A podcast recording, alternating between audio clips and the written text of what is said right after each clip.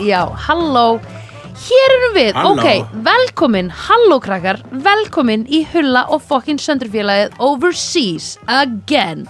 Uh, Hashtag, m- munið eftir þegar það gerist í fyrra. Hashtag, uh, we said we were never gonna do it again But hashtag, we are gonna fucking do it again Because we fucking need to. Að því fucking heimurinn er ekki lítil hneta, heimurinn er fucking stór.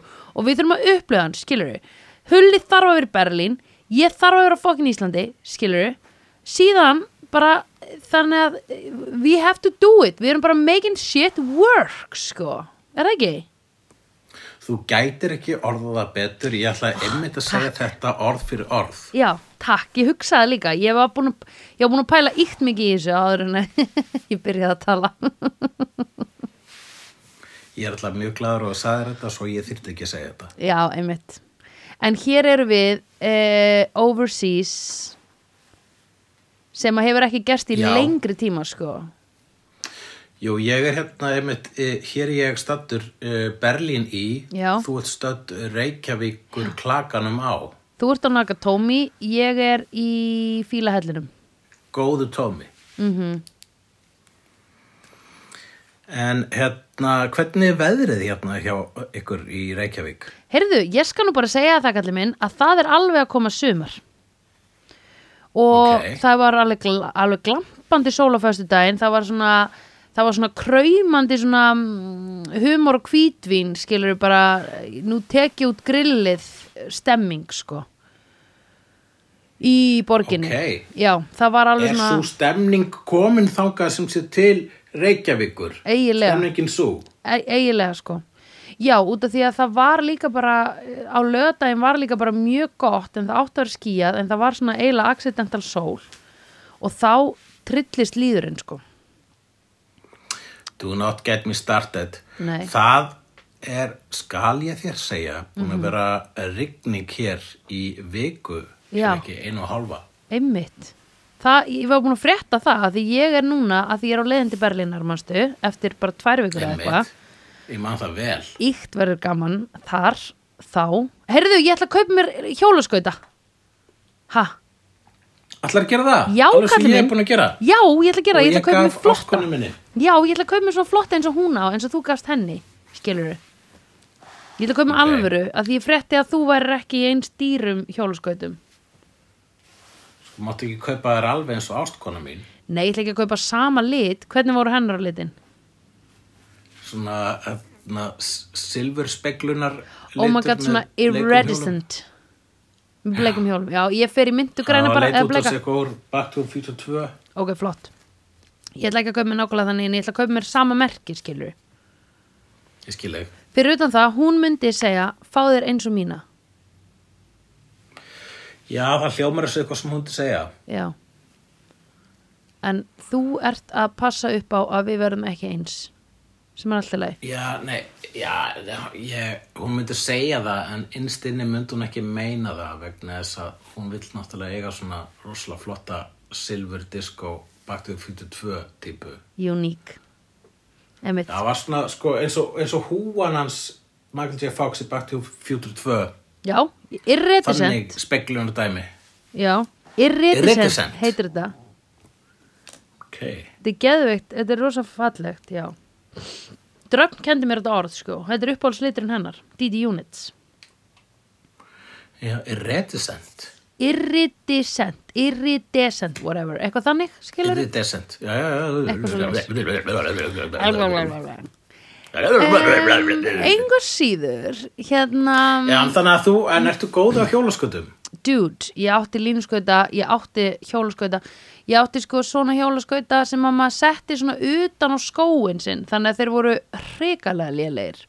Og ég kunni það og ég var síðan á línuskautum þannig að ég hef engar ágjur af mér. Og ég er búin að vera að fylgja á Instagram einni skvísu sem heitir Umi Janta og er alltaf eitthvað staðar Æ, hún sló í gegn einhvern tímann í COVID að því hún var ókslega mikið að dansa á línuskautunum sínum og Beyoncé eða einhver retweetaði eða repostaði því og hérna uh, hún býr Berlín og hún er alltaf á Tempelhof á einhverju sléttu svæði að gera eitthvað. Ég er að fylgja henni á Instagram. Já, þú veist hver þetta er? Já, hún er mikil stjarnar. já, hún er mikil stjarna. Hún er, að- hún er að detta í miljón followers núna sko. Scheiße. já, við vorum Ok, um þetta að kíkja á I, I have to step my game up. Ég er búin að vera að prófa sko að skauta, að prófa það núna síðast þegar það var hægt. já, uh, þegar það var ekki of kalt og uh, ég uh, já, ég, eftir fyrstu ferðina þá bara dugði ég kannski svona tvær eða þrjár mínútur vegna þess að ég var að nota vöðvar sem ég hef ekki notað í, ég veit það ekki, alla æfi já, oh my god hvað ég er spennt? Ok, já, og þetta er alveg já, þetta er, ég er með alveg hlýðabúða allstæða sko. Já. Það er svo fyndið. Eða þú veist það er mjög gott, þú átt náttúrulega að vera með það sko það er bara svo krútarlegt það er rosalega þetta er, þetta er rosalega erfitt sko á þessum gamaldars hjólaskötur sko, við erum ekki að tala um já, þetta er, ég held að línuskautar séu töluvert auðveldari, bara eins og það, venjulegi skautar. Ég, ég er bara fínn á venjulegu skautum bara svona hérna, ísskautum. Línuskautar eru samt aðeins óþægilegri að því þeir ná svo langt fram og aftur. Þannig að maður, þú veist, alltaf þegar maður var svona að setja löppina yfir svona beigja svona rr, rr, rr, þú veist að þá hérna, þá var maður oft þá var ég oft hrætt um að reka svona hælinn framan í tanna á hinum skónum manni I gotcha, Já. I gotcha. En ég er mjög spennt, við höfum nægan tíma til að æfa okkur, ég verði í mánuð sko.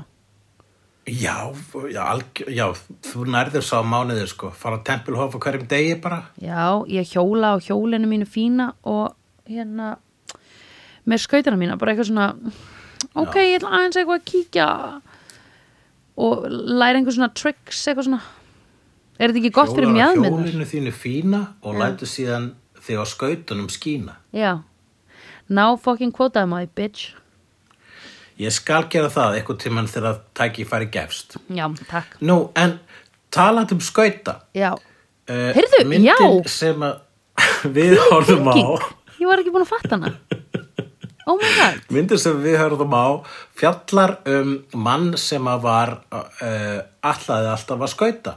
Já. Það er að segja að ísskauta í íþróttinni íshokki.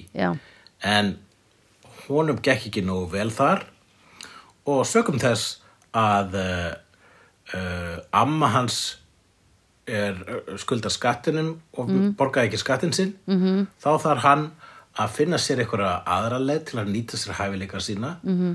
og það þá leið finnur hann í íþróttinni golf já, Við erum að tala um kvikmyndina Happy Gilmore frá árinu 1996 mm -hmm. leikstir af Dennis Dugan.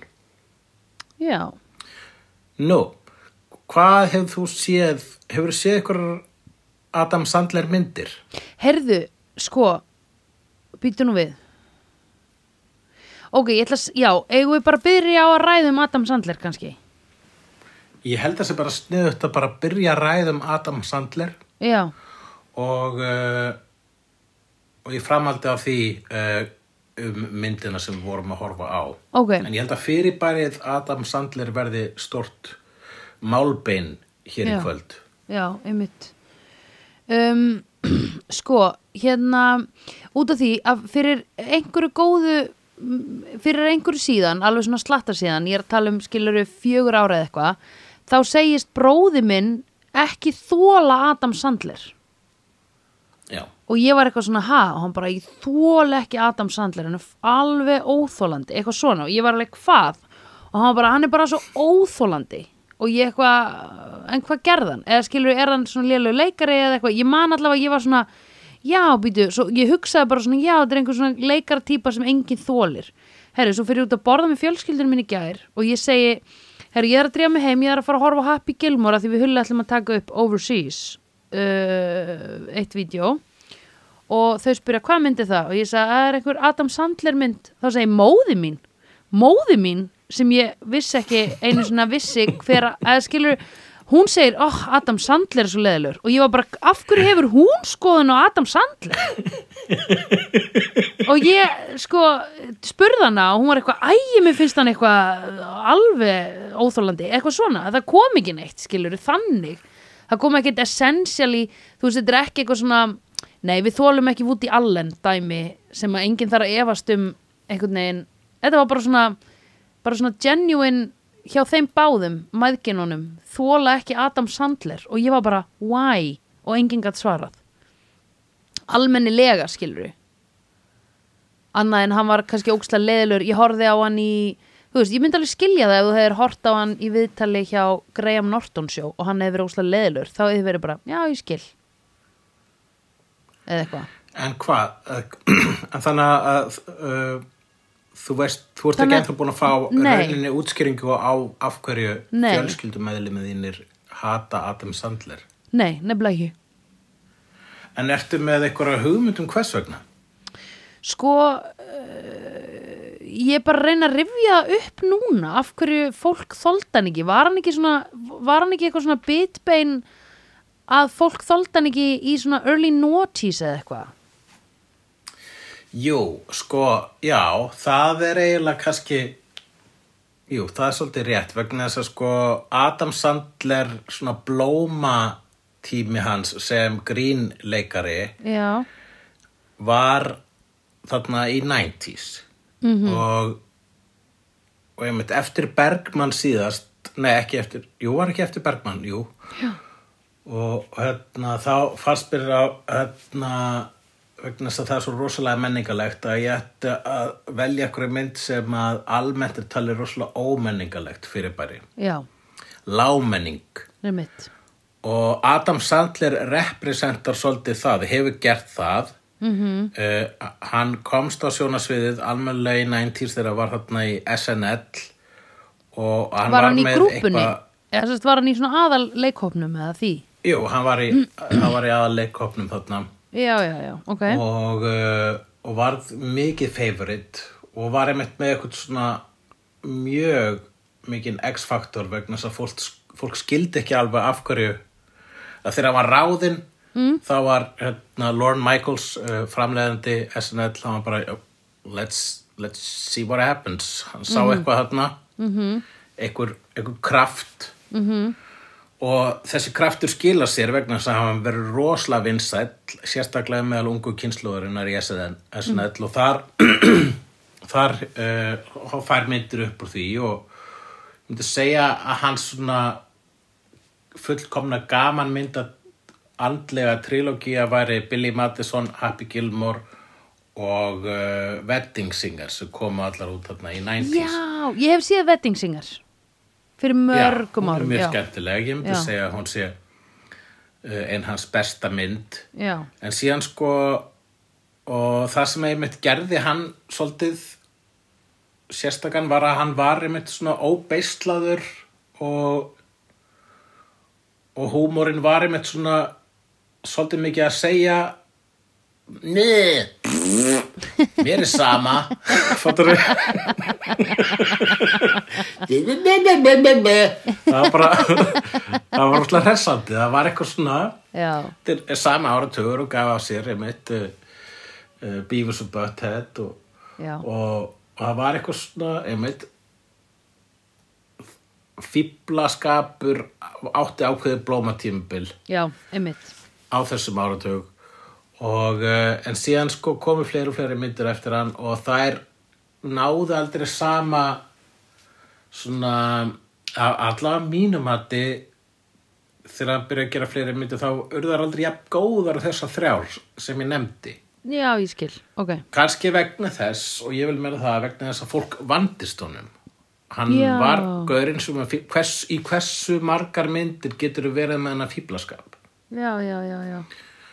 However, það breytir því ekki að hver einasta myndans bara, að flesta myndinans bara voru hitt og hann bara hjælt áfram og hjælt áfram og núna og það var bara einhvern veginn þinnra og þinnra og núna er einmitt sko bara eiginlega meiri hlutin af gamanmyndunum hans eru undir meðalagi og eru svona lowest common denominator. Uh, bara, ó, þarna kemur Ad- Adam Sandler aftur með sitt shit, hvernig er allir hann að gera eitthvað nýtt Þetta meina sko, sama fíblaskap og var í raun og veru í þessari mynd hjá honum. já, Er, þa- þetta já. er bara hans þing. Já, uh, þú veist, já, og reyndar er byrjað líka að vera svona væmnar og uh, já, bara urðu bara verri, kannski vegna þess að hann var yngri líka þegar að gera þessar myndir, hún var meira sama, þannig að þú veist, Já.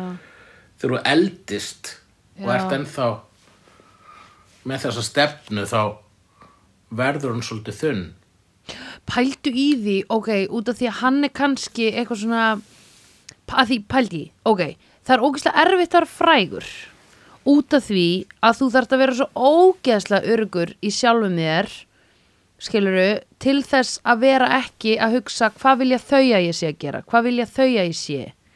En pældi, hann er kannski ákvörða dæmið sem er bara svona þú veist, einhvern veginn bara svona rampaði inn á eitthvað svona I don't give a shit í byrjun sem er ókslega bara svona hana, hvað heitir hann, Peterson hann ekki Jordan Peterson, Uh. er, hvað heitir hann hérna Peter, Peter Pete eitthvað Davidson Pete Davidson hérna að hann er með svona svipa þetta en ef að Pete Davidson verður svona 15 árum eldri þá kemst, þá verður hann þá verður þetta ekki sjarmirandi lengur hjá honum skilur du?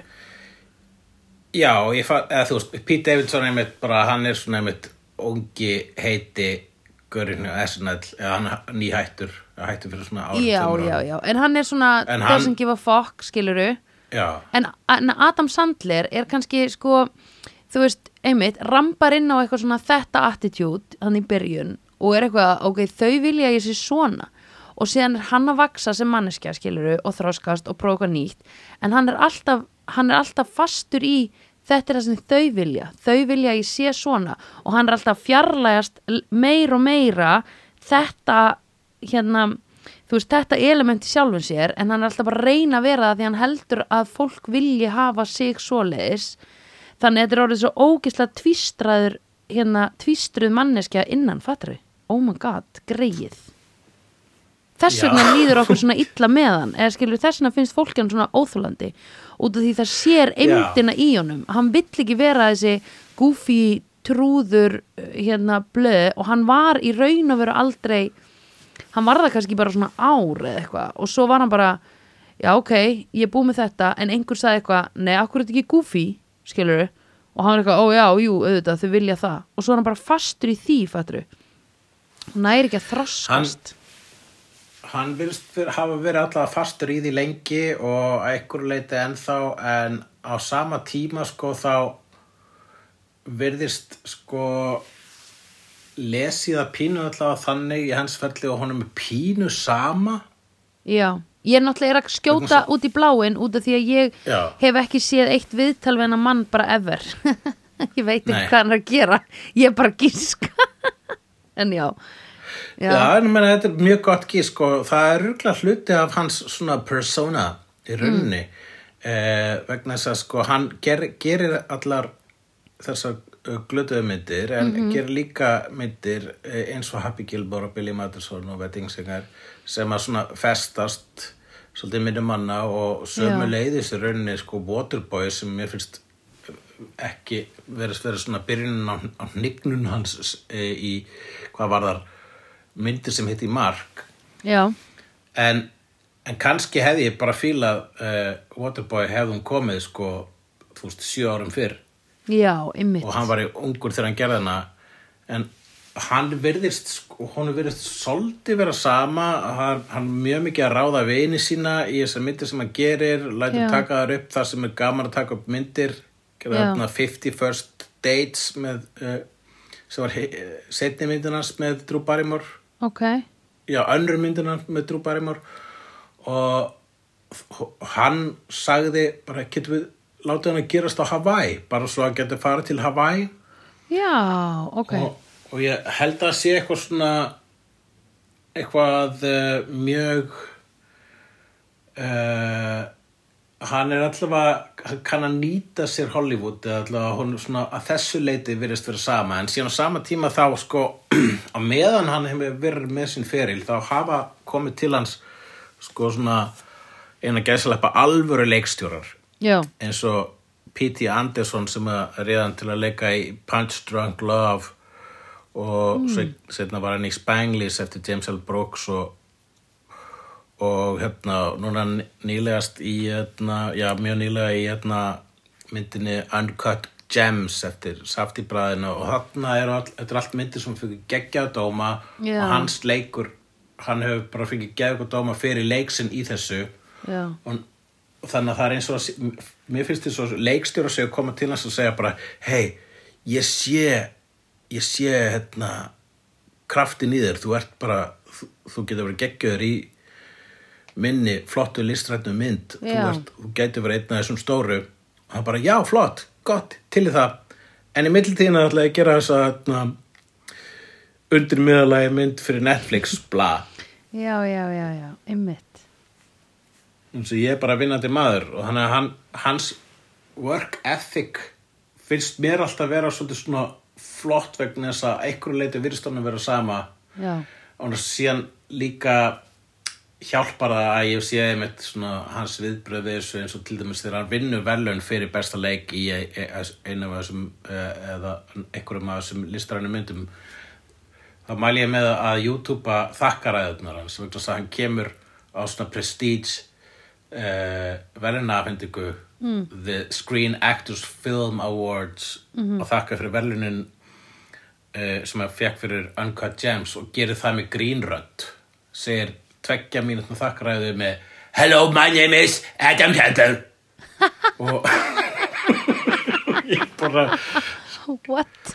og það er eitthvað það er eitthvað svona al, það er eitthvað mjög aðdáðanavert við hvernig hann, já, í þakkaræðinu sínu þá, einmitt skýtur hann á gaggrinundu sína sem að tala illa um hann í lélögum meitunum hans sem að Já. gaggrinundu hans hafa fullan rétt á. Já, hann virðist ekki vera neitt sár, hann virðist bara vera að nota þakkaræðinu sína fyrir listrænu myndinu sinni til að segja nei, nei, nei, við þá. Já, já Einmitt. og það er þetta það er þetta það við hann sem að ég hef alltaf kunnað að mynda ok, hann já. er brennið það þessu gaur. Já, ymmit ymmit, heldur að en, væri gaman að vera með hann, eða heldur að hann væri þú veist, að því maður þekkir alveg svona fólk sem er alltaf í dipidí, eða þú veist það er aldrei, þú getur aldrei átt svona real talk við þau sem bara eitthvað svona hæ, hvernig líður þér? Eða skilur það, er- það er alltaf það þarf alltaf að vera grín þú veist ég held að hann sé ekki þannig alltaf en Nei, en ímyndar er ekki að hans geti verið, nei, kannski ekki kannski er hann alveg svona Já, ég hef hlustað nógu mikið að podcastu viðtölu við hann til að vita að hann er bara frekar venjulegur, sko. DTE, down to earth Frek, að svona, já, þannig sé, að þú veist, ég veit það ekki, að hann gæti alveg vel verið fíbl líka, Já. Já, en ég hann er allavega, mér finnst allavega alltaf skemmtilegt þegar einhver verður frægur fyrir að vera fyndin og getur ekki alveg bent á það hvað er fyndið við hann. Nei, einmitt, ég skil þig. Einmitt.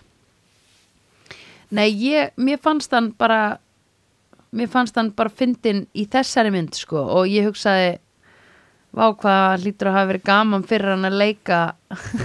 Þetta svona alveg skitsó hérna eða þú veist, bara svona ofstopa mann þú veist, og það var svo gott að þetta byrjaði bara strax í byrjun hana, á hana interkominu eða þú veist þegar hann var að hana tala við kæristuna sína eða sem var að hætta með honum í hérna dýra síman þar sem Já. hann fór á milli eitthvað svona fokkaði beljaði, nei ég var að djóka. Uh, nei fokkaði beljaði, nei ég var að djóka. Ha? þú veist, alveg svona alveg svona ört sko. Og að vera að taka sér trillingsköst þetta er svona smá eins og sko eins og hann að fá alltaf að fara inn í klefa og brjóta postulinstiska í Japan skilur við, eitthvað svona þú ert alltaf að fá einhverja svona instant útrás þú veist og ég meina fólk sem, fólk sem fær instant útrás og náttúrulega ekki fólk sem lemur aðra en þú veist, hann náttúrulega það var allt eitthvað svona ég held, að, ég held að það sé líka bara í svona ágætu jafnvægi sem að svona getur, þú veist, bara svona svona snögg reyðst og svo er það búið. Eða þú veist Já, já, ég get, ég get trúa því að, að, hans performance er mikil útrás vegna þess að hann Já. er alltaf einmitt að fara í fymta gýr já, bara á nú leitni upp á reyngu einmitt. Já, og það er ógslag gaman að því hefur ekki fundið þessa tilfinningu þegar þú svona þegar þú getur svona sagt bara eitthvað djúlir í fokkin pyrraður og spennir alla vöðvan í líkamannum og svo er það einhvern veginn búið bara strax. Eða skilur þau, hefur ekki, Já. lendir ekki? í? Eða, þú veist það er mjög snið það er bara rosalega gott að öskra. Já, að öskra en að spenna er, alla vöðvan í líkamannum líka er svo gott. Já. Þessi, skilur já. Þetta er ógíslega gott. Þegar maður sér lítið sætt batt til dæmis, þá gerist þetta líka við mig. Dast út? Nei, ég, ég fannst ég heyra einhverja aðra rödd þarna. Nei, það var ég. Ég var að gera Ó, þetta. skrítið. Aha. Ja, Það er kannski draugur hjá þér í fílahöllinum Ó, ekki segja þetta. Og ég fekk svona kalt Fekk svona í hnakkan Oh my God, það er einhver með góður mér. draugur. Það er góð draugur. Sko, það hefur alltaf verið ágætt Það hefur alltaf verið svo góður andi þar sem ég hef búið Sko. Ég hef aldrei verið Já. svona smeyk Sko Nei, ég hugsa líka bara að flesti draugar myndu bara fíla þig svolítið. Ég held það. Og það ég myndi líka taka um opnum örmum Við erum oft búin að fara yfir það. Ef við myndum mæta Við erum og vera oft bara eitthvað búin að fara yfir það. Við fórum yfir það í að um Poltergeist, við fórum yfir það í einhverju annari draugamynd sem við horfðum á sem ég man ekki alveg hvað heitir. Mm, hvað heitir hún? Nú man ég ekki hvað hvað aðra draugamynd heldur en Poltergeist við um hort á Nei, kannski. En ég sá gott mím úr Poltergeist um daginn Ok, Manstu atriðið þar sem að hún, mamman í Poltergeist, hún dettur í svona vasspitt þar sem að að byggja sundlaug og það er bara fullt af drullu og og Já. beinagrindum sem eru að rísa upp úr Já, vatninu já, og já, hún já. öskrar þurfa sér hverju einustu beinagrind Já. með sér í vatninu já, og það var eitthvað búin að gera mím þar sem var búið að merkja hana Mm. sem nýtt grænmeti sem ég kefti og merkja beinagrinduna sem er hitt grænmetið í grænmetuskúfunni þegar what? Hvað út af því að þá Þetta voru- höndlar það ekki græmmyndið að vera geimt svona lengi þegar það kemur eitthvað nýtt inn eða? bara grænmetið, nýja grænmetið veit hvers örlög þess eru. Já, að sjá allar þessar beinagrindur já, þann, já, ég skil, ok, þetta er ógslag gott, þetta er ógslag gott. þetta þótti mér skóldið Já, ég fattar núna. Ó, það er svo gaman. Sko, manstu eftir Nine Gag já, ég man þetta veist, það er ennþá til sem bara einhver Facebook síða með bara já, svona fólk sendi mér svona skilabóð og sagði, hei, þú ert að nine gag? Ég, ég var Já, já, og já, til að einmitt, en þetta var samt líka svona þetta fór út í að vera svona hérna, svona smá incel og svona kynþáttahattur og allt þetta svona fóbist alls konar uh, en var mjög skemmtilegt. Þetta var svona í árdaga mím Anna, skiluru þegar var að, hann Já. litli krakkin sem, var, sem er að gera yes og stelpan sem er einhvern veginn að hlaupa í gulri úlpu frá brennandi húsi eða eftir einhversu strönd, ég maður ekki. Og hérna stendur við brennandi hús og horfir Já, já, já, alveg rétt, hún gerir það. Þetta er sko Þetta var svo gaman og það er svo Mér finnst þetta svo skemmtilegt í dag. Allt, þú veist Æ, bara einhverju svona mím síður sem eru bara að búa til eitthvað svona specific aðstæður út af specific jobbi. Eru bara dedicataðar til þess og eru, eru bara að gera mím tengt því og þetta er bara endalaus uppspretta af einhverju svona einhverju haha fyndnar aðstæður sem ég þekki. Þetta er mjög já, það gaman er bara fólk sem vinnur við að mýma já, en það er bara mýmararnar að úti. Það eru mýmarar, já, þetta eru nýju influencerarnir, en það er skemmtilega þegar vinum hans er að henda í eitt. Skilur við ég dáist alltaf að fólki sem er svo gott að gera mím, að því ég kann ekki að gera ég hef aldrei gert mím. Ég hef aldrei trekið einhverja svona mynd af einhverju önd og skrifað ofan á dime, shine bright like a diamond eða skilur við ég hef bara ég séð hef það. einu sinni gert það sko í rauninni, eh, svo í muni þá einu sinni tók ég svona fréttamynd og setti texta inn á hana og hvað, ge hvað, var, hvað gerðist? hvað það var? var hérna það var sem sé af uh, eitthvað landstingi uh, sjálfstæðismanna Já, og e- einhver hlutu vegna að náðist mynd af bara svona öllum helstu í sjálfstæðisflokknum. Já, öll að horfa á sama svona tölvuskjá í laptopi. Ok. Og ég skrifaði hvernig gerir maður erase history? Það er ókíslega gott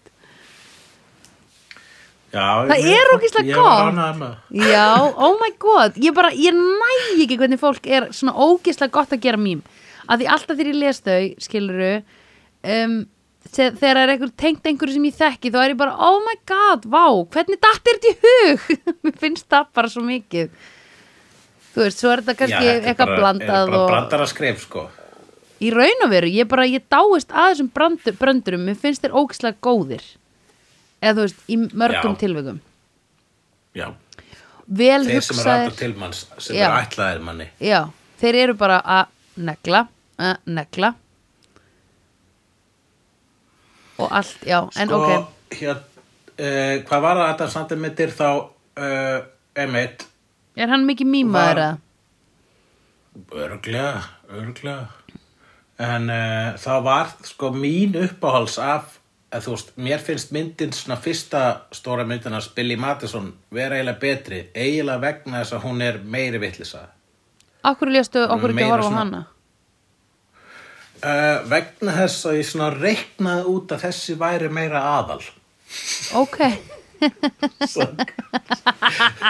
hvaða kalkuleirur Það ertu með, sko? það þekk, hún fær hérna, uh, hærri dóma. Já, uh, og uh, hún er svona fleiri sá hana Já. og hún er meira upp á hún er bara ofar á listum þegar kemur að- ég bara skoðaði lista þarna, þarna Adam Sandler movies ranked. Já, já, og þá er þe- þessi, þessi ratar ofar sko. Wedding Singer ratar eh, reyndar ofar en það en mér fannst Wedding Singer vera of mikið vegna sem ég langa að fá vitleysuna og svo datt mér í hug, herru þetta er líka íþróttamynd og við höfum ekki tekið almennilega íþróttamynd fyrir áður.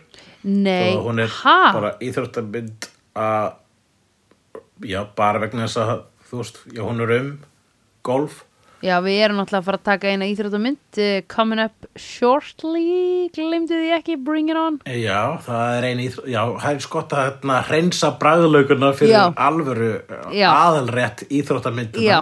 Bring it nákvæmlega. on. Nákvæmlega. Númer 100 Mhm. með því að fá sér smá Adam Sandler golf forrétt. Uh, ég er einmitt að horfa aðra íþró... ég er náttúrulega að horfa afturheldingu núna íþrótta þættina sem er á rúf ah, Akkurat, ég, það, ég get ekki hort á þetta í Bellin nei, ég skal uh, reyna að einhvern veginn redda því Þú verður bara að segja mér uh, sögðþráðin og bara í smáatriðum Já. og lýsa hvernig, þú veist allt. Yngvar E og Sveppi. Svo kemur Ingvar E. ok, ég skal horfa ógislega ofta á þá og endurleika þá bara fyrir þig I like it. Yeah, I love it. Oh, me too, oh my god, I love it. Um, En já, heyrðu, já, einmitt. hvað fannst þér um þessa mynd? Herðu, mér fannst hún hérna, mér fannst hún bara mér fannst hún bara létt og ljúf. Skiluru mér fannst, ég hérna ég hugsaði sko ég hugsaði af því að ég hef náttúrulega einu sinni sé mynd um golf og það var Space Jam uh, Það var golf í henni, já, þá, ég myndi svo aldrei segja að Space Jam var mynd um golf. nei, nei það er svona svo helsta mynd sem ég En hef hún séð er um mynd golf. um golf eins og þessi myndir um hockey á einhverju leiti. já, akkurat. Þessi hetjan byrjar í golfi Já. í Space Jam, en á sér þótt uh, þó uh, fortíð í körubólta, þannig er ekki, já. Og það er enda myndlíkingin, Já, akkurat En hérna ekki lí, þessi, eh, líkingin. Já, mynd. líkingin En sko um, Þessi þótti mér uh, Sko, mér fannst hún skemmtileg Mér fannst gaman líka Það var rosa mikið hei þessi uh, Mamman í Modern Family Var þetta ekki hún? Mamman í Modern Family, Julie Já. Bowen, Já, ég veit ekki hvað hún heitir Hún heitir Claire Claire, Já, Claire heitir hún Claire Dunphy Claire Dunphy. Í uh, Modern. Aldrei vita hvað þessi leikon heitir og aldrei síðan að nema bara í Modern Family sem ég horfði í fyrsta skipti á bara fyrir einu og hálfu ári síðan eða eitthvað. Hún var líka Um, í þáttum sem heitir Ed. Já það verður engi séð það. En hérna en ég var alveg ég var svolítið tíma að fatta það sko. Ég, hún var búin að koma tvisvar í tveimur atriðum þá ég var bara býtu fyrir ekki, er þetta ekki Claire Dunphy Dunphy? já, sem var alltaf gaman að sjá Wait a minute, isn't that Claire I Dunphy? think that's Claire Dunphy right? Og um, svo var þarna að var alltaf mikið að heita þessi að vinur okkar úr Princess Bride eða Brúðarbröldi Það vinur okkur um Princess Bride? Nei. Er þetta hugsa um. Andre the Giant í já, var þetta ekki hann? var þetta vondikallin í James hann. Bond? Vá, Sandra. Hvað? Það er rétt hjá þér. Já, Þetta gaurinn með tennutnar í James Bond. Með tennirnar sem beita hann í sundur. Ó, var það ekki hann, The Giant? Andre the Giant? Það var ekki Andre the Giant, sko. Ó, ok. Ég var bara svo, ég er búin að skrifa þetta niður bara Richard Keel, gaurinn sem að var með tennutnar í James Bond. Já, sem að er eina myndir sem ég veit annarkvort í Moonraker eða The Spy Who Loved Me uh, en það er eina, allavega eina sem ég veit um þína James Bond reysluður þessi gaur Já, að því að ég sá þetta þegar ég var sko sex ára í Florida þá var þetta atriði í eða þú veist, eða þá fóreldrar mínu voru að horfa á þessa James Bond mynd og ég man bara eftir þessu atriði, var ógeðslega hrætt sko.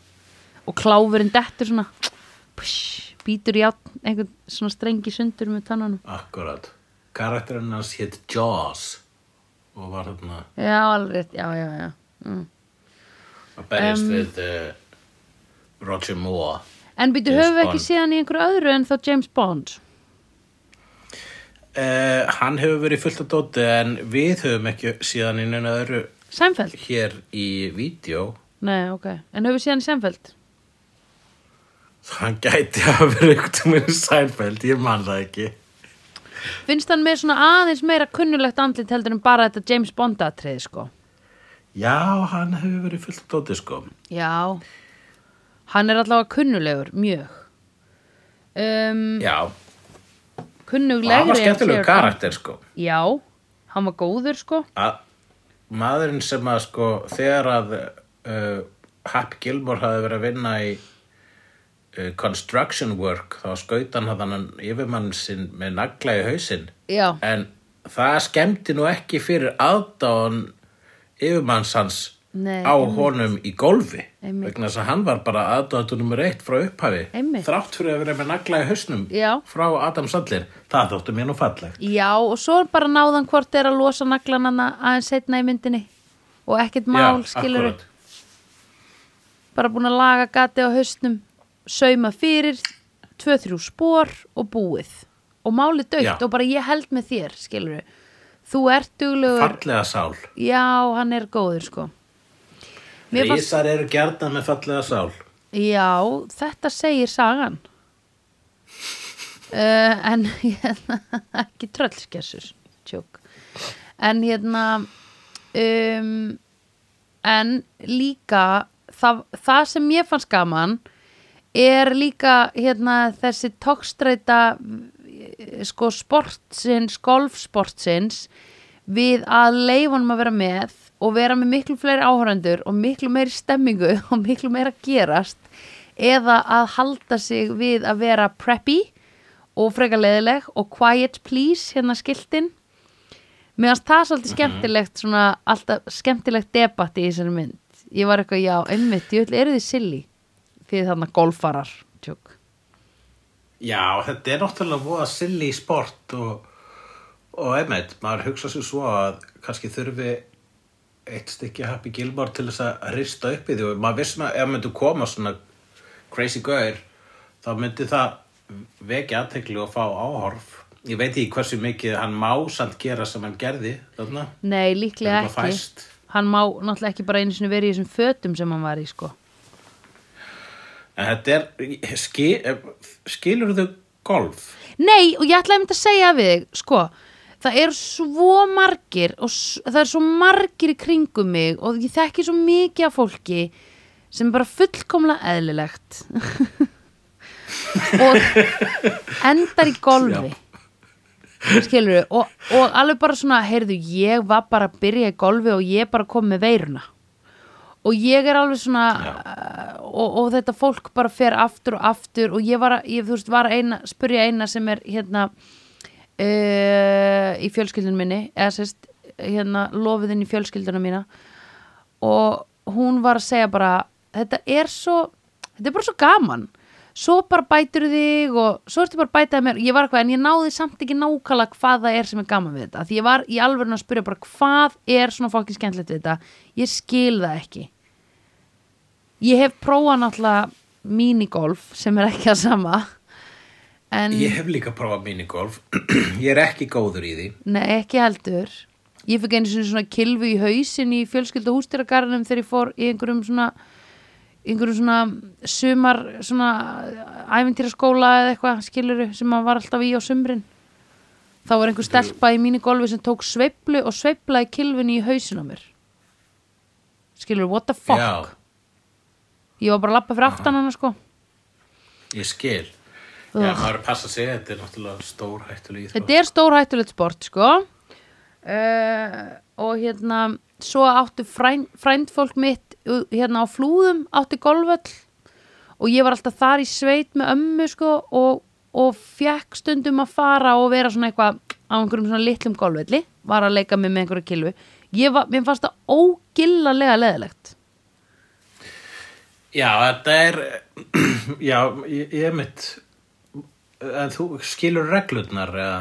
Nei, það er, það er Nei, sko, menn, kannski jú þarf maður að fatta það er til þess að fatta hvað er skemmtilegt við þetta. Þetta er eh, þú veist, ég skil að pílið við sko golfvelli.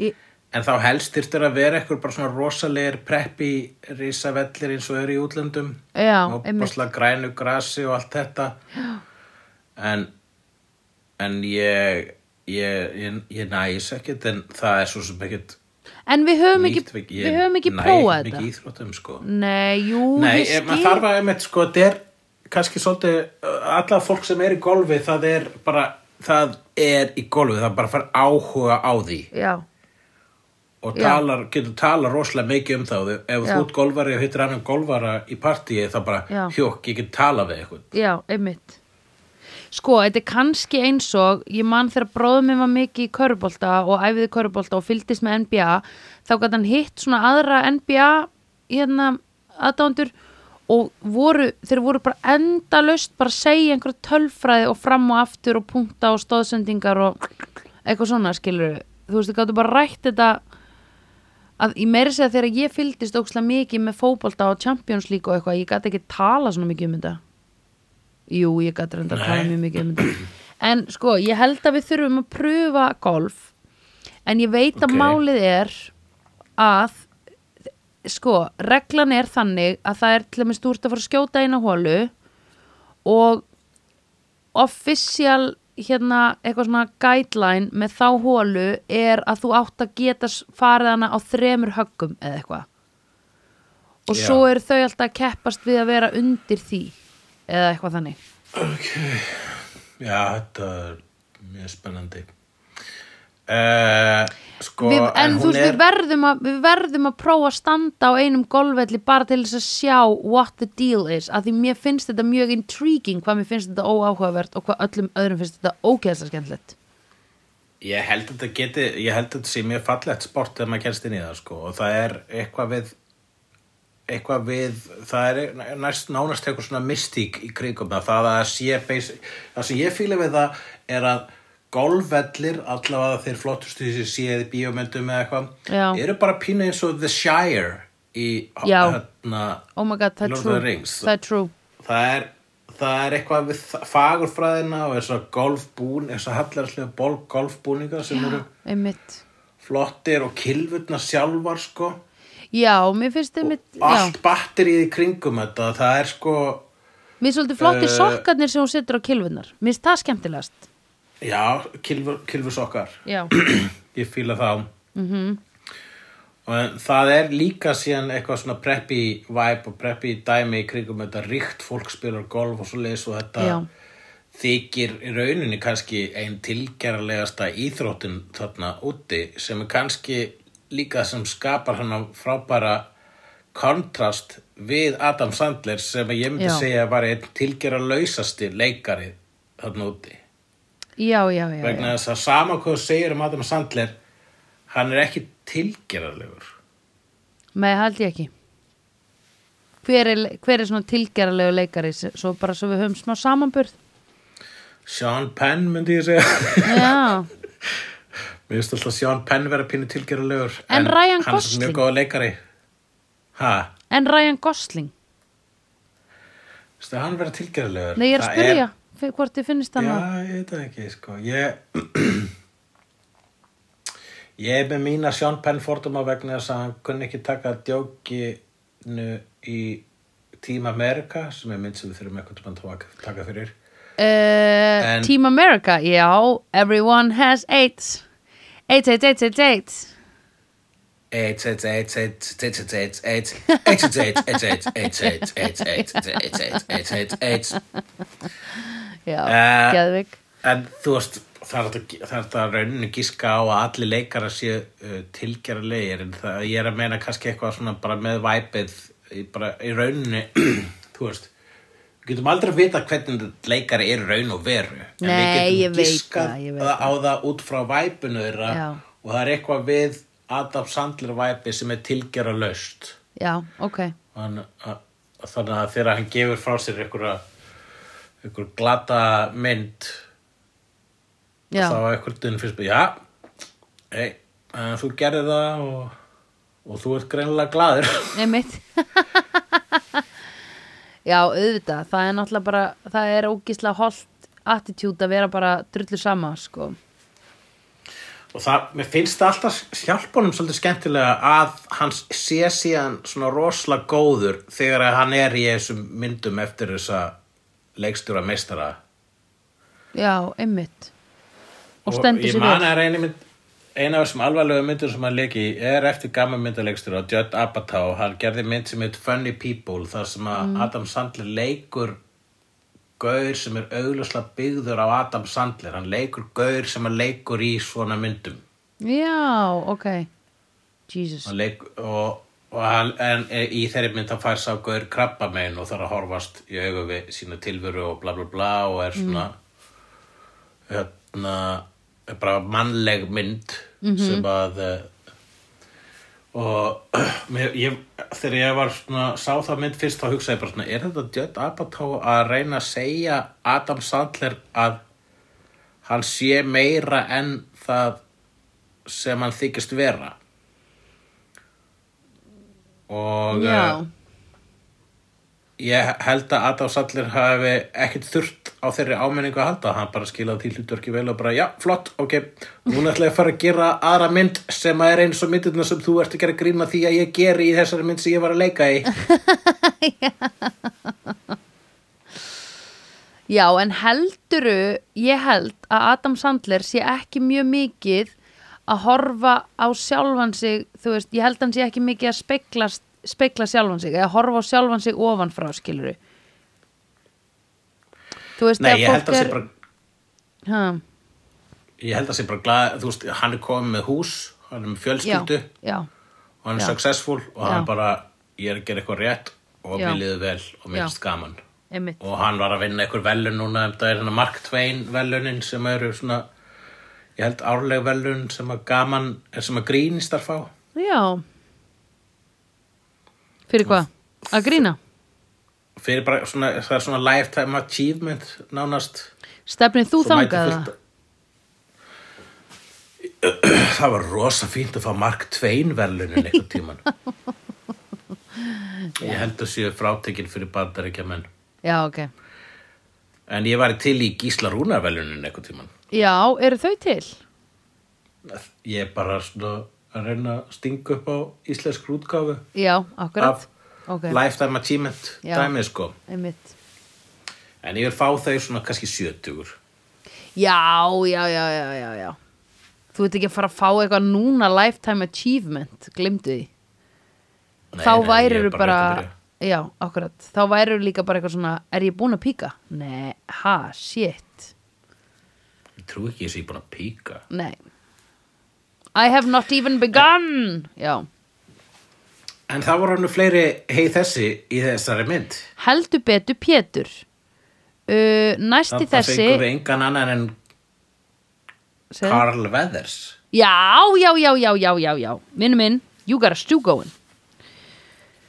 Um, Akkurat Mhm. -hmm. sem að við höfum síðan annari mynd hér í í podcastinu. Já, hann var náttúrulega í Hanna, þeir eru með vöðvana að gera svona saman? Já, Predator. Hendurnar, Predator, já. þar sem þeir eru með veðvana að gera svona saman. Ég myndi bara eftir þessari mynd úr myndinni, ég myndi ekki eins og hvað myndin var um eða hvað hún hétt eða neitt. Ég myndi bara þetta var eina sem kom upp í huga minn. Manst ekki um hvað Predator er? Ah. Jú, núna skilur við en var, þegar þú sagðir myndin sem við horfum á Já. þá myndi ég bara eftir hérna handabandinu skilur við ég myndi bara eftir því screenshoti og ég myndi ekki neitt, ég myndi ekki hvað mynda var. er það mýmað í drasl. Já, nákvæmlega. Um, Talandi um Mýmaði drasl. Nei, ég var að tala um aðeins um Carl Weathers og þessar ógeðslega skringilegu gerfi hönd sem var með. Já. Það er náttúrulega Oh my god. Áður en að fólk redda þessu með CGI Já, þá ef ykkur var með gerfihönd þá var það bara sett sem framlenging á höndinni sem Já. er þegar þarna Já. á leikaranum og þá er hún alltaf ekstra löng og hann lítur alltaf Já. og, talandi, og það er nú ekki eina Karl Veðið sem þú leikið í einmitt sjóastáttur og það sem hefur verið slík gerfihönd sem er einmitt Jú, jú. Arrested Development. Einmitt. You got a stew going You gotta still going Já, þetta er úr Arrested Development. You got a stew going Ég veit það. Já, ó. Já, ok. Ég ætla ekki að setja svona hljóðrænt spurningamerki eftir að ég segi you gotta still going. Ég Já, var bara svona að ég var bara að uh, undist, ég var bara að taka þátt. Bara you gotta still going. En ég sagði á you gotta still going. Og þú leist á það sem spurningu Já.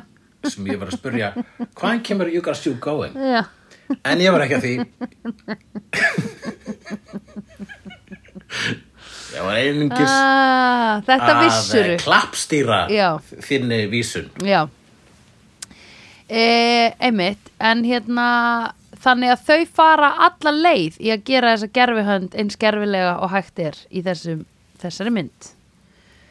Já, já, já, bara fyrir þann penning sem að þau gáttu gert gerfihönd fyrir í Já. þessari mynd og þá um að gera breyta þig í grín, hugsa ég bara. Einmitt.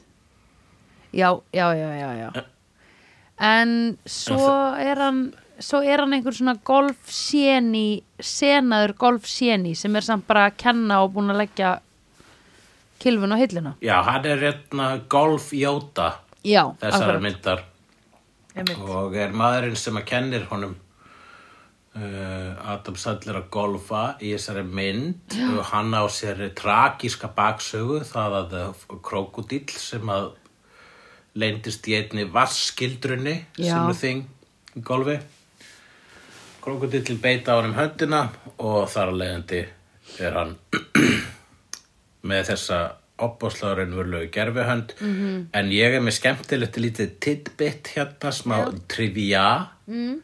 um uh, karakter Karl, Karls Veðers Já, sem heitir Chubbs já, það var nú eitthvað krokodíl sem að uh, fannst einmitt í svona vaskildru í, á golfvelli í Flórida nei, hættu. Og uh, hann komst í fréttirnar og hann var síðan nefndur Chubbs.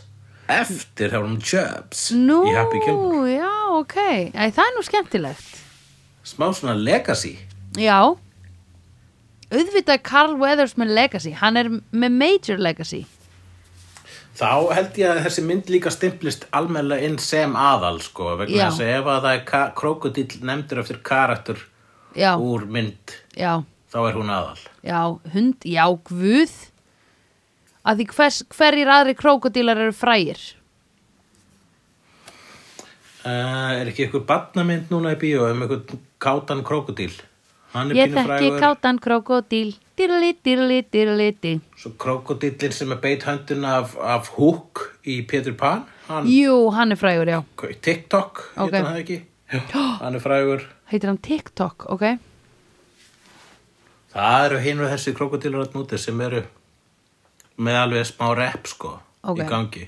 Ok, en þessi er líka einegður mm, mm, og hérna Já, og, en fannst þér ekki leiðilegt að hann skildi deyja í lokin hann út af því að hann, honum brá svo að sjá hausinn á krokodílunum sem hann, já Beita honum höndina. ég held að ef að þú ert allar að gefa golfkennararnum þínum gjöf já, ekki gefa honum höfuðið á krokodilum sem er beita honum höndina Nei. og ef þú ætlar að gera það samt ekki gera það nálat glugga á annari hæð. Já, sem er opinn sem er opinn og sko Svo líka hún bregður svona mikið í brúna hann dettur út um hún glugga og deyr. Já, ég veit það.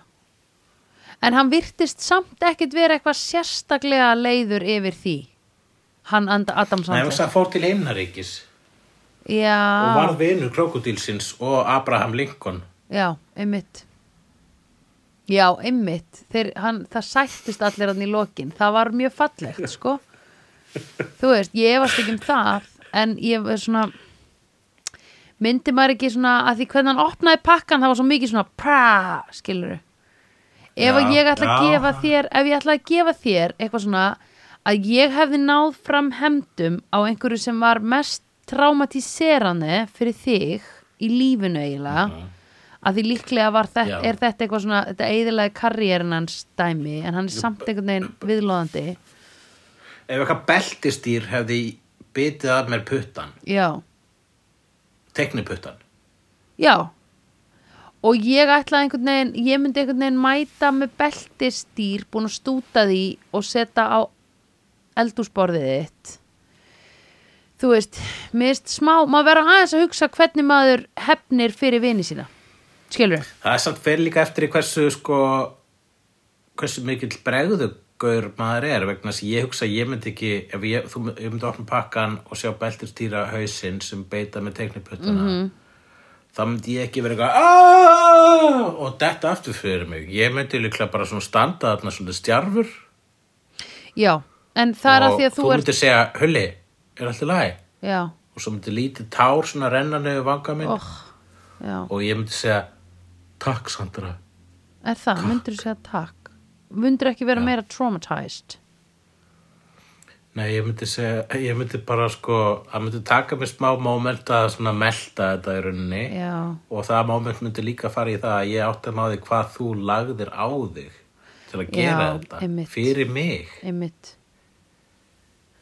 Ég myndi frekar, ef ég ætti að hefna þín, þá myndi ég frekar, sko, einhvern tímann, ef einhver fréttamaður er kannski leiðilög við þig í Ísland í dag, eða eitthvað þannig, að þá myndi ég frekar taka þá mannsku og húðskamma þau, þú veist, næstur í hittu þau einhvern tímann er bæ og smána þau smá og myndi síðan segja þér bara frá því.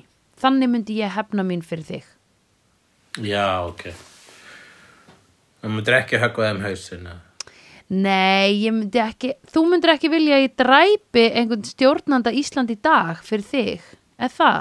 Nei, ég myndi, ég myndi ekki vilja að gæ, ég- bara þú veist, ég myndi alveg kunna meta. Ok, manneskjan þarf að vera rusalega mikill drullu hali við þig til þess að ég myndi gera það, en þá myndi ég gera það. Ef, þú, ef að það er það sem þú vilt, þá myndi ég gera það. Jafnvel þótt að hún ætti fjölskyldu. Um, sko, ég nefnilega er ekki vissum að það, það er ekki að hefna einhvers með að drepa manneskjuna.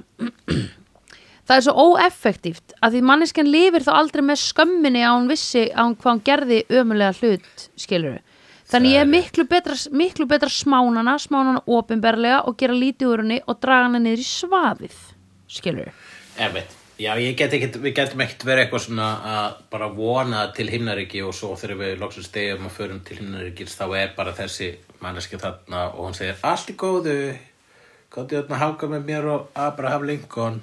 myndi aldrei, sko. En heyrðu, það voru nú fleiri hei þessi. Já, kallin í bílnum hann að svindlarinn eða þú sást trublarinn Já, kannastu við hann? Já, kannast þú Svo ekki var við að hann? hekla Adam Sandler? Já, Já, ég, ég kannast mjög mikið við hann. Hann hefur leikið ímsu en ég man ekkit hver það er og ég skrifaði hann ekki hjá mér. Nú, ok, ég var alveg bara hei, þessi, og svo var ég eitthvað á ég að googla, nei, nei, Hulli mun bara segja mér í hverju ég hef séð hann á í en, ó nei. Ég byrst forlát Allt í lagi. En ég skrifaði eins vegar niður Christopher McDonald Hver er sem það? leikur vondakallinn Já, leikur Shooter McGavin já, hver er það aftur?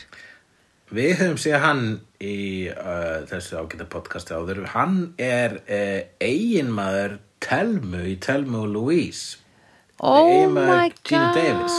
Já, sem er alltaf heima í sófanum. Oh my god, Já. hann leikur fáið bara alltaf Hann er mjög ofta að leika að fá þetta. Ég Já. tjekkaði á, vegna þess að hann er svona gaur sem að sér alltaf og ég tjekkaði hversu mörgum bíómyndun hann hefur leikið í og Já. Google sagði að minnsta kosti 79. Já, ok, það er mikið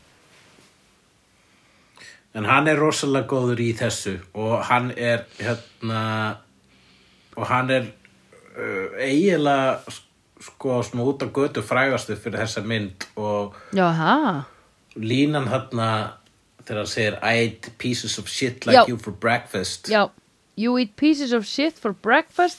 Þetta hefur þú sagt við mig einhvern tímann.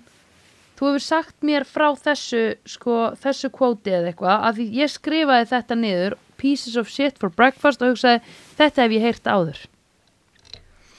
Já, þetta er allavega hugsalega frægasta svona frægasti díalógur þessara myndar. Er það ekki? og ég er bara vissum að Christopher McDonald hann uh, fær hörgla fólk sem hrópar á hann út á göttu bara you eat pieces of shit for breakfast. Já, það hlýtur að vera hluti af hans lífi ég bara rekna fastlega með því. Já, oh my god, pældu pældu að vera svona pældu að vera svona fan-con eða skilur að vera alltaf að fara á svona cons. Og þú ert alltaf að vera að fara með sömu línar aftur og aftur og aftur. Hann þarf náttúrulega ábyggilega að segja þessa segjum að það eru kannski svona 300 einandararðanir pantaðir, hann þarf að segja þetta 250 sinum já það finnir þegar maður er svona starfandi leikari svona karakterleikari eins og hann og og leikur alls konar dóti og svo svona bara svona maður veit aldrei hvað verður það sem að sko endist í já í, í, í Manna- minningu manna minnum. almennings. Já, í manna minnum Já. rétt. er Og, hérna- minning Nei, minningu almennings er fallera sko.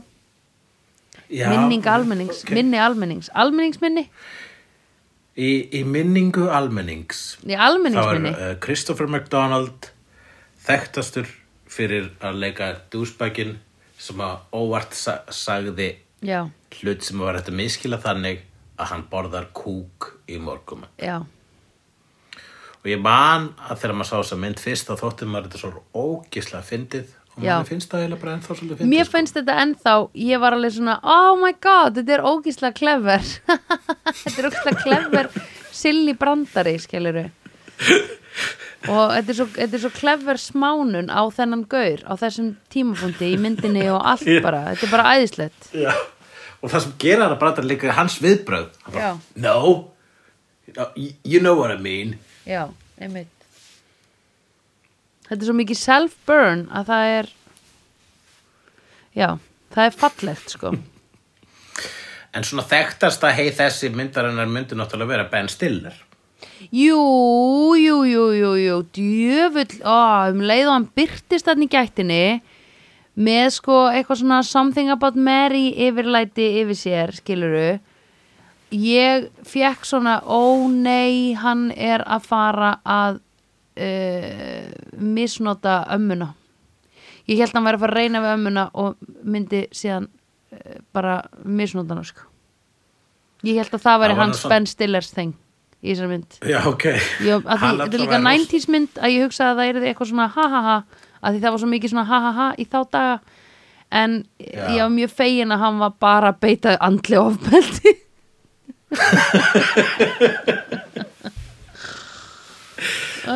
þarna var hann sko eh, ekki en, hann var alveg svona alveg stór þarna en ekki alveg með sko, ég held að Something About Mary var ekki komin þarna.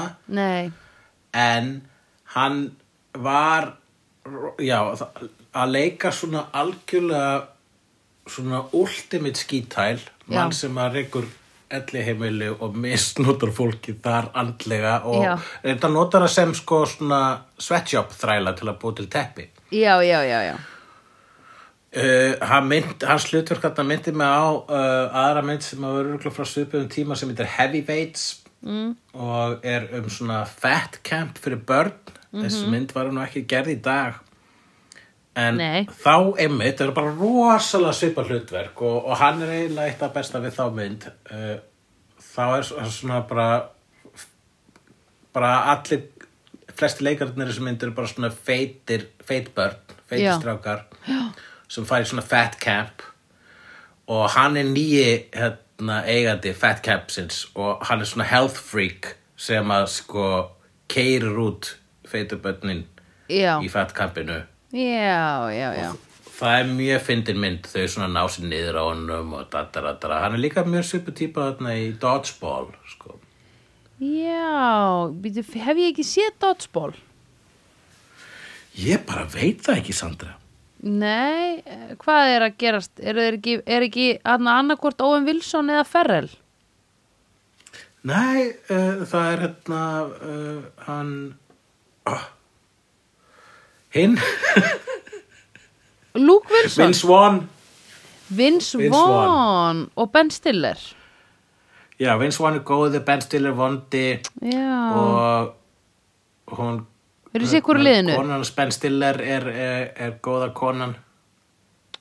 Ok, þeir eru sitt hverju dodgeball liðinu. Já. Jú, ég held að geti vel verið að við höfum einhvern tímann horta á þetta í einhverju þinguðið mig og þér sko En ekkert situr hún eftir þessi mynd? Nei, hún er, hún er fín. Dodgeball er mjög fín. En uh, það er sko uh, eitt heið þessi í þessari mynd sem að sko er eitthvað sem við Íslendingar kannast ekki við. Það er eitthvað sem rauninni bara bandarækjumenn kannast við. Og það er Bob Barker sem Já. leikur þarna sjálfa sig. Já, einmitt, það vissi enginn. The Price is Right. Og mér fannst það líka bara gott burn á hann sko þegar að hérna uh, þegar Adam Sandler sagði hérna The viltu vinna miljón Nei, hann sagði vittlust nafna þáttunum hann skilur, hann sagði viltu vinna miljón eða? Eitthvað svona. Og hann Já, bara, you know it's já. the price is right. Og hann bara, yeah, fuck eh, hérna, hérna öskraði bara eitthvað á hann eða eitthvað, ég maður ekki. Já, þeir lenda þetta sem sé frægur uh, game show host Já, þetta er eins og hann sem hérna hver er okkar, Þorsteinn hann hvað heitir hann? Þorsteinn hann Mástu? Jón Ásæll, Nei, en Jón Ársæll er góður væri góður, Þorsteinn Jóð Þorsteinn Jóð Já, þetta er okkar Þorsteinn Jóð Já, viltu vinna miljón? Já,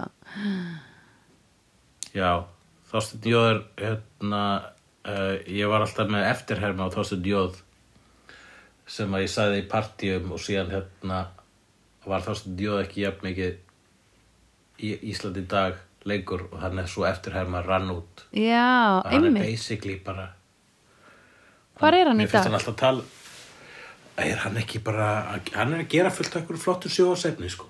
Já, hann er kannski meira svona í einhverju framleiðslu eða svona, hann er ekki lengur hann þarf ekki lengur að sitja fyrir fram á kamerur og þylja upp eitthvað Já, hann ákvað ólíkt uh, Adam Sandler að þroskast aðeins og hætti að vera bara Já. alltaf uh, Þetta er Þorsteinn Jóð og þú ert að hlusta á Ísland í dag. Já, alveg rétt, hann talaði svona, einmitt. Lítill hundur horfir á eftir okkur er við rennum úr hlaðinu. Það Oh er God, góður já. og gamall íslenskur síður að ræða málin yfir kaffibotla Einmitt, oh my god, þetta er að rifja upp svo mikið fyrir mér Þetta er bara einhvern veginn svona early noughties bara svona talandi að því svo var líka svo mikið gert grína þessu eða þú veist, í það var eitthvað áramótskaupinu og stöð tvö eitthvað talandi sko Já. Jón Ásall var svolítið svona já, Já. og já, ei, já, em, ei hann er Já, já, já, já Þetta er Elín svona Hirst svo- var líka svona Já. Herra mig, orðu, henni, henni Bara, bara, dada, bara Þetta er smá eins og hérna þegar að sko þegar að úl, eða svona mentaskólar eru með útvarstöðar í korter þá heyrur svona hver er svona gegnum gangandi talandin í venjulegum útvarstöðum því þau eru öll að reyna að herma eftir því og þá verður það svo prominent sko. Já, maður heyri hver í jóðin, sko. Já, akkurat. En Bob Barker, hann Já. sem sé var þessi leikur sjálf á sig og lendir í rosa slag með, við Happy Gilmore myndinni og ég vil bara minnast á það vegna þess að sá slagur vann Best Fight Ha? í MTV Movie Awards 1996 Wow, ok. Er þessi mynd frá 1996? Já, sem er árið sem þessi mynd uh, kom út. Já, ég þá, okay, þá var ég tí ára. Það er nú kannski alveg, eðlilegt að ég hafi ekkert séð þessa mynd Það er alveg tiltúlega eðlilegt Já, að því kemur ekki Wedding Singer á En eftir hvað Wedding Singer kemur á eftir þessari sko Já. Uh, En hvað, En hvað? hvað taldur mikið af hérna, product placements í þessari mynd? Heyrðu, oh my god, Subway var æðislegt út af því að það myndi mér svo Community og ég hugsaði, er Community að reffa í þetta með Subway grínunu sínu? Ég held bara að það sé auðvelt ég held að Subway hlýti að vera með sko ekkert sérstaklega mikið af uh, svona að fara út í sauma hvaðan þau fá sponsið sitt. Já. Hvað mennur? allavega þú veist það, það þarf ekki að reyndar fyrst góði kallinn þarna var hvort er að- góði kallinn var að sponsora á Subway í þessari mynd þannig að það hefur lítið mál sko. Já, En ég geti bara trúa því sko að þau community hafa sett subveðarn inn og uh, að þú veist það er stundum hægt að bara setja, fá product placement Já. og rauninni gera pínu grína því eins og þau gerir í community. En, og samt farið bara farið peningin fyrir placementið en síðan er líka getur að backfire eins og gerist í uh, Idiocracy. Þar sem að hann fekk ógíslega mikið af product placements en síðan bara var það allt bara svona representaði heimsku mannkins já, já, já, já, já þeirri stóru hérna, En, dæmisögu. en sko stór fyrirtæki eins og til dæmis líklega Subway vita að það eina sem skiptir máli er að fólk tali um brandið sama hvort það er að hrauna yfir það eða ekki. Nákvæmlega. Þarna var líka síma fyrirtekið AT&T sem var með uh, golfmótið og svo voru hérna að vera minnst alveg nokklu sinnum á Red Lobster hérna heklerinu sem við munum ekki hvað, við sáum Já, já, hann vil alltaf borða á Red Lobster sem er basically já, alltaf sé ekki bara hvað getur maður að kalla Þetta er bara svona McDonalds með humar. Já, þetta er það, humarhúsið í McDonalds útgáfu. Eins og Beyoncé segir When he fuck me good I take his ass to Red Lobster Já, og ég, mér langar mér er alltaf langa á Red Lobster ég sá það örugglega bara fyrst hérna í þessari mynd og alltaf, að þú veist mér langar alltaf að tjekka á öllum þessum hérna já, sem ég heyrir um í það. já. Já, mér langar að tjekka á Denny's mér langar að tjekka á International House of Pancakes, Pancakes, já. The IHOP, ég er nýbúin að horfa aftur á hérna The Good Place þar sem er verið að tala um IHOP og það heitir eitthvað það þýðir eitthvað annað í þeirra veröld ekki International House of Pancakes. En þá þurfti ég einmitt að googla bara hvað er IHOP? Að því ég hef heyrt þetta svo ógeðslega oft þegar fólk segir at the IHOP. Og ég er alltaf eitthvað mm, gleymi því alltaf strax en núna tjekkaði ég á því. Og þá var ég bara ok, þetta er bara International, International House of Pancakes. Þetta er svo skrítið. Að vera með skamstöfinna á einhverjum pönnukökustaf sem IHOP Ég- ég hoppa, IHOP þú veist, þetta er eins og eitthvað svona hopp, þetta er eins og svona þetta er eins og Uber eða eitthvað, IHOP ég held að þetta væri eitthvað þannig. Já, akkurat, það er eins og hop já. Já. Nei, við, erum, við erum ekki með IHOP við erum bara með hop á, Já. í, á Íslandi. Ég hop. veit ekki til þess að sé neitt IHOP hérna það er örgulega ekki hér í Berlín það er örgulega bara Uh, the German House of Pancakes með Ja. Gop das Kopfenhausen auf die deutsche Pannenkuchen bitte? Pannkuchenhausen ja, Oh my god, það Pannkuchenhausen verður svo gaman hjá okkur. Bráðum tölum við bara þýsku aftur og fyrir að segja Já. aber immer. Og ich glaube, já IHOP, ekkert IHOP bráðum átt you hop Já. eftir að- nei, bráðum eftir átt þú þú hop. Soon it will Yeah. be you hopping over here Já. to the Berlin. Ná Yes. fucking kvó, Landing. sko Já, þetta er all the way around. Þetta var ógislega flott lending Þetta var bara En, eins og að lenda á eh, Ísafirði, skilur flugvellinum. Í áður vindu en við gerum það þá mun verða uh, ekki þá, þá næstið uh, he, hérna ég er Ekki, næstum þú búin að segja ætlar hefninda þáttur, ég heyrði það. Ég byrst forláts Við erum í vídeo uh, Ég er ekki Jóhann Næstu Ævar vídeoþáttur verður tekin upp í Berlín en Já. í millitíðinni mun koma uh, best of þáttur Já. sem ég er að setja saman. Já, hvað ertu að taka marga þætti fyrir? Ég ætla að taka eins marga og best of við leifir í svona Já. klukkutíma korter Ok, nice, mjög gott og um, en eftir það þá munum við taka næstu mynd fyrir sem Ó. að verður á afmælistegi Já, vídeo. Oh my god Við höfum tveggja ára eh, ammali til hamingjuhullegur Tveggja ára motherfucker amla Er þetta ekki tveggja ára ammali okkar? Við erum ekki á ára. Við erum tveggja ára Nei, tveggja. Tveggja, já, Tveggja. já, já. Já, tíminn Já, skritin. oh my god, hann er svo skritin sko En uh, við höfum nú alltaf verið með eitthvað svona Star Wars tengt. Við vorum með Já. uh, Star Wars uh, fjögur fyrsta, í fyrsta okkar. Við vorum með Star Wars 6 í, á uh, fyrsta afmælinu okkar. Já. En uh, þá dætt mér í huga það væri kannski sniðut að vera með eitthvað Star Wars tengt Já, í næsta þætti. Hundo P Og það er, uh, já, raunin þessi náttúrulega að Star Wars, uh, maður, maður uh, skilgrinir ha, uh, það fyrir bara ekki sem uh, science fiction svo auðvöldlega vegna þess að þetta er eiginlega meiri fantasía. Mm. Í rauninni bara rittarasaga í geimnum. -hmm. En uh, George okkar Lucas, hann framleiti eina aðra rittarasögu sem gerist ekki í geimnum, heldur gerist bara í svona fantasy uh, galdra dverga og drega heimi oh, í the 90s Ok, og svo mynd heitir það sama og, og uh, einn uppáhalds karakterin okkar úr uh, Buffy the Vampire Slayer uh, Angel en, það tekist þó því engan veginn og ég spyr því nú hefur þú séð kvikmyndina Willow? Wow, nei Hefur ekki séð Willow? Nei. Ok, þú verður að sjá The, the Willow sem Já. heitir bara Willow en ekki The Willow.